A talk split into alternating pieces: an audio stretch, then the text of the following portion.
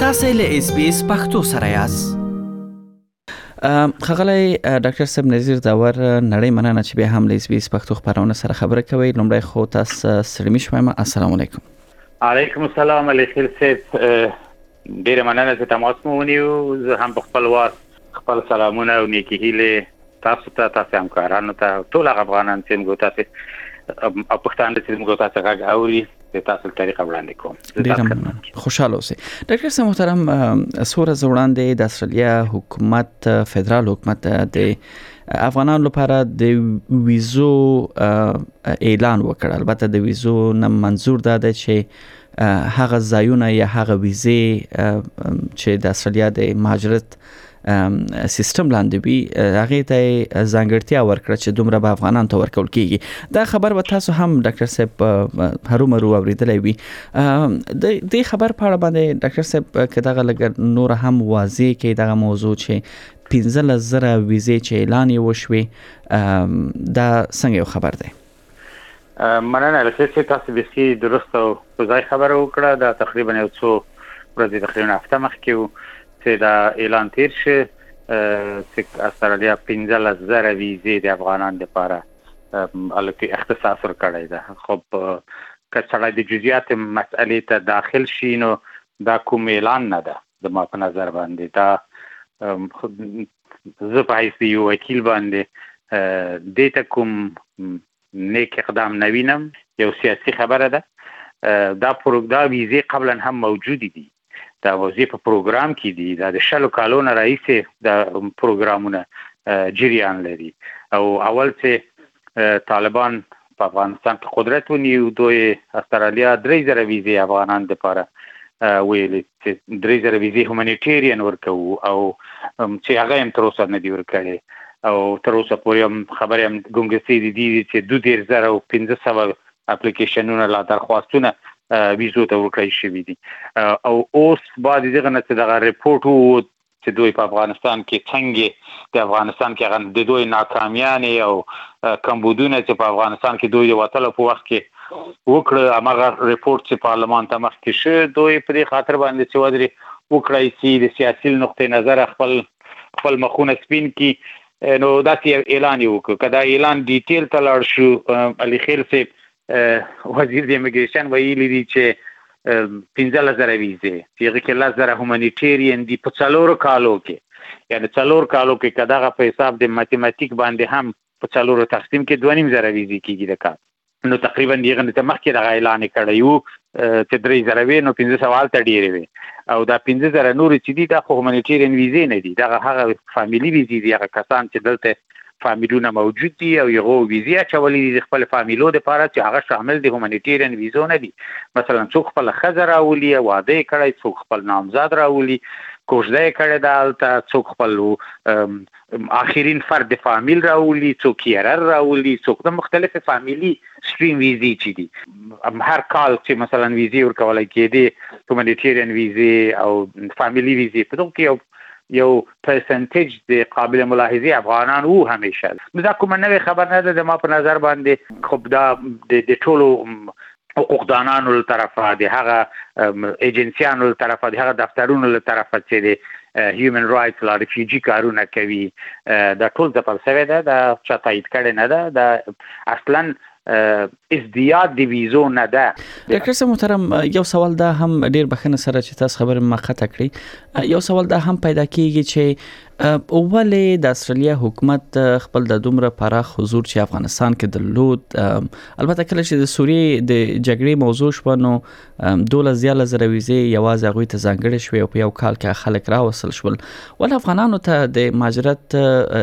دغه وزارت یا په ټوله کې د استرالیا حکومت ویزو برخه کې یعنی ډیر هغه خلاص لاس نه لري د دې وجه تاسو کې ګورئ علي خیر صاحب اول خو استرالیا دا د ما شدما دا د ما نظر ده طبیعي ده چې دا یو حقوقي مسله نه ده ولیکن دا یو سیاسي او سیاسي مسله ده چې حقوقي بڼه لري په سوریه کې استرالیا مختلف اهداف لرل کوم غربي دنیا مختلف اهداف لرل په افغانستان کې مختلف اهداف لرل په شلو کالو نه بعد دوی مختلفو نتیجو ته ورسېدل چې اوس افغانستان په داسې حالت کې دوی پرې خو نو زما نظر سیاسي نظر ده دا یو دوی دا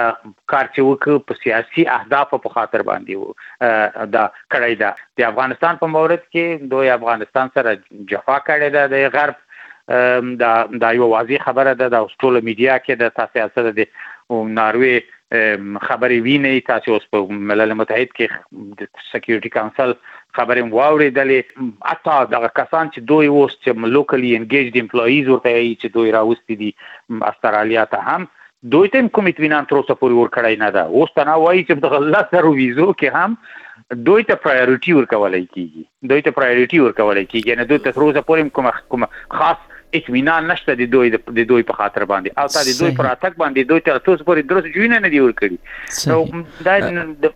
د ما نظر د ما په نظر باندې دا یو سیاسي اقدام ده چې درست اقدام نه ده د ما په نظر زه دا ما ډاکټر صاحب محترم مننه بیا هم بیا هم سوال دلته پیدا کیږي ډاکټر صاحب محترم چې دغه ویزه البته که دغه هم واضح کړئ تاسو چې د البته دغه بشري ویزې چې دي د کورنۍ ویزې دا مسله تاسو مخکې ویل چې هغه څوک چې غواړي خپل د کورنۍ غړي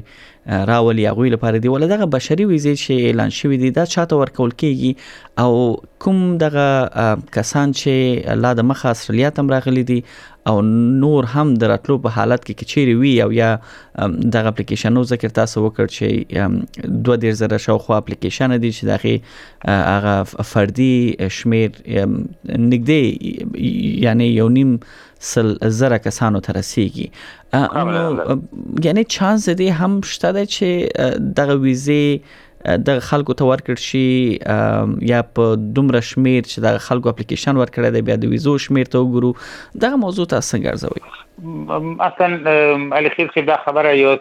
په اصطلاح احصایوي خبره ده ستاتستیک ده ماتماتیکس ده ډیر ډیر ډیر ساده خبره ده دا کوم ګوتاسه تعداد د درخواست دی ویزو په تعداد د ویزو چې اول چې موجود دي هم دا اوس چې دولت اعلان کړی ده تقسیم کو هم لس فیصد هم نسی اخیستی پنځلس فیصد هم نسی اخیستی شل فیصد هم نسی اخیستی ګورې مثلا در زره حساب که در زره وي در زره اپلیکیشنې دي په او دا مخکې اعلان چې دوی کړی وو چې درې زره ویزې ورکوو دغه په در زرو نه چې درې زره ویزې موافقانه یې دا تقریبا درس فیصد هم نه دی درس فیصد نه هم د دې محاسبه د ماتماتیکل نقطې نظر کم راځي نو چانس د خلکو دلته ډیر کم ده استرالیا ته نو هغه لکه نور هیوادو غوندې چې شل زره ویزې او پنځله زره ویزې هغه اعلان کړې دي که تعداد ویزو هم ډیری په اول کې هم چې دوی دا ویزه اعلان کړل په هغه اول مقطع کې پنځله زره کسه فکر خلکو فکر دا کوو چې دغه کال لپاره دغه درې زره پنځله زره کړې دي چې خلکو ته خوشاله ولک ځکه چې در زره تقریبا اپلیکیشنونه موجود وو او تقریبا 50 فیصد دا یو ښه په ایمیګریشن کې ښه ریټ ده او اوس ولیکن د ما په نظر باندې دا یو دا یو یو سیاسي خبره ده ډیر د افغانستان مسلې ته ډیر کومک نشي کولای د هومانیټیرین پروګرام چې هغه د یو حقوق د حقوق بشر د د قوانینو پر اساس باندې چې چیرته یو څوک لړای ژوند ونه شي کړای هغه د پنځو فاکتورونو په اساس لا د دین مسله وی لا د ژبې مسله وی لا ماینورټي وی لا سیاسي نظر ولري مخالف د حکومت سره لا لا په کوم اجتماعي ګروپ کې شامل وي هغه په اصطلاح تعریف دی ریفیوجی ته موږ ورته وایو د د د بین المللي کنونسیونو د ماده لاندې نو د ما په نظر باندې دا ډیره ډیر چانس په دې کې نشته او تاسو پیږی چې دغه ویزو هغه کرکتر داسې ده طبیعت یې داسې ده چې که رد هم شي څوک د دې اپیل کوای نشي څوک د دې استیناف موجود په دې کې نشته چې ته ورشي وایې چې ولې دې ماته ویزه نه راکړې ما ټول نورمونه تکمیل کړي دي ځکه چې دغه یو سبجکټیو اپینین چې په قانون کې ورته وایي هغه وزیر د امیګریشن یا د هغه نماینده چې افیسر د امیګریشن د همغه سبجیکټیولی که کنوینس وی چه دې سړی ته ویزه لازمه ده ورکوی یی که نی ورکوی او بل په توضیحاتو کی چه دا ویزی چاته ورکوی که دغه سوال ته تاسی زه جواب ویایم دوی ویلی دی چه ښځو ته ماشومانو ته په دغه په اصطلاح خپل نیوز کی ویلی دی ښځو ته ماشومانو ته د دوی په اصطلاح ماینورټیز ته چه اقلیتونه دی ژبنیز اقلیتونه او په خوا د دې کې ملیتي قومي اقلیتونه او هغه کسان چې د ایډیالوژیکو نقطه نظر د طالبانو سره دي دغه کسان دوی ډیر ویلي دي او په خوا د دې کې په یو بل خبره هم باید سړی په صراحت باندې وکي هغه دا ده چې دا اوس کسان چې دوی راوستي دي هر څو زره کسه چې دي دا هم په دې ویزو کې شامل دي یعنې خو که پریاریټي دوی ته ورکړل کیږي او دغه کسان چې دي نو په اول کال او دوم کال کې تقریبا هغه کسان چې د استرالیا نه د باندې دي او راوستل شوي نه دي هغه اصلا شانس نه لري نو چې ځکه چې دوی پریاریټي چې ته دې ته ورکوي چې دوی دم راوستی ده اوس هم په استرالیا کې ده چې نه باید پریاریټي ورکړي بل سټریم باید دوی لپاره آماده شي ولیکن ته بیا هم دا شاملوي په هومانیټیرین ویزو کې نو خب طبیعي ده د دوی د دوی چې محاسبه وسی هغه تعداد ته د دوی تعداد رسیږي چې د تا اول او دوم کال کې تقریبا د تی ته څوک راوستای نشي د باندې نه ځکه چې پرایورټي د دوی ته ورکړله نو د ما په نظر باندې خو چانس د افغانانو په دې کې ډیر کم ده